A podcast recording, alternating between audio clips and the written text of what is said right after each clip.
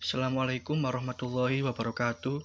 Saya Muhammad Subhan Najib dengan NIM B01219032 akan menjawab pertanyaan dari tugas yang telah diberikan, yaitu yang pertama, eh, mereview mm, tipe-tipe afasia yang ada pada gambar.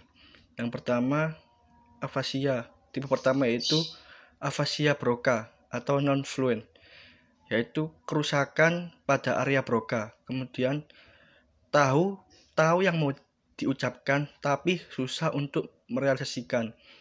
Struktur kalimat cenderung salah. Pemahaman pada teks sederhana lebih mudah. Tidak menggunakan function word tetapi memakai kata dasar. Kemudian afasia tipe kedua yaitu afasia Wernicke, fluent atau word salad yaitu kerusakan pada area Wernicke. Mampu berbicara lancar namun tidak bermakna. Kreasi kata-kata baru tanpa makna Kebanyakan penderita tidak menyadari kesalahannya. Kemudian afasia tipe yang ketiga yaitu global, yaitu kerusakan pada area perisilvian. Seluruh kemampuan berbahasa terganggu atau produksi dan komprehensi. Kemudian terjadi kerusakan hampir di seluruh area bahasa di dalam otak, termasuk area Broca dan Wernicke.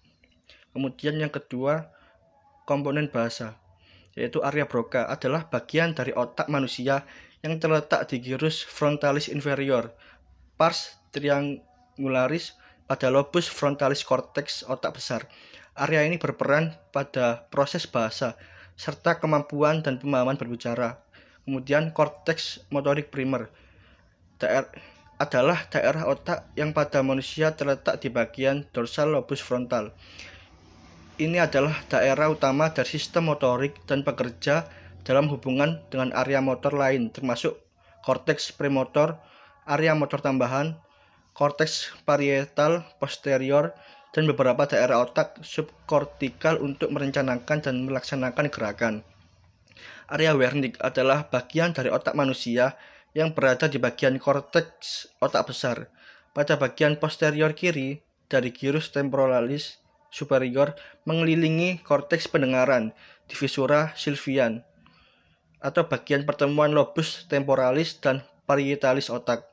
Kemudian korteks auditory primer atau primary auditory cortex atau korteks pendengaran primer yang terletak pada pun puncak dari setiap kuping temporal menerima sinyal elektrik dari reseptor dalam telinga dan mentransformasikan sinyal ini ke dalam sensasi bunyi tanpa arti seperti bunyi vokal dan konsonan.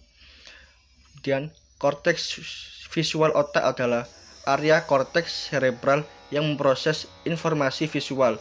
Itu terletak di lobus occipital. Kemudian gyrus angularis adalah regio otak yang terletak terutama di regio anterolateral lobus parietal dekat tepi superior lobus temporal dan tepat di posterior gyrus supramarginal. Signifikansinya adalah dalam transfer informasi visual ke area Wernicke untuk membuat makna dari kata-kata yang dirasakan secara visual. Kemudian fasciculus arcuata adalah kumpulan akson yang umumnya menghubungkan area Broca dan area Wernicke di otak. Ini adalah saluran serat asosiasi yang menghubungkan korteks temporal kaudal dan lobus frontal inferior. Korteks somatosensori primer terletak di gyrus post sentral dan merupakan bagian dari sistem somatosensori.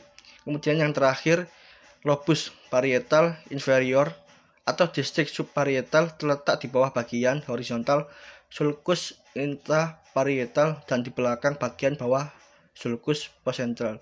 Nah, itu yaitu eh, komponen bahasa. Ya mungkin itu saja dapat sampaikan. Wassalamualaikum warahmatullahi wabarakatuh.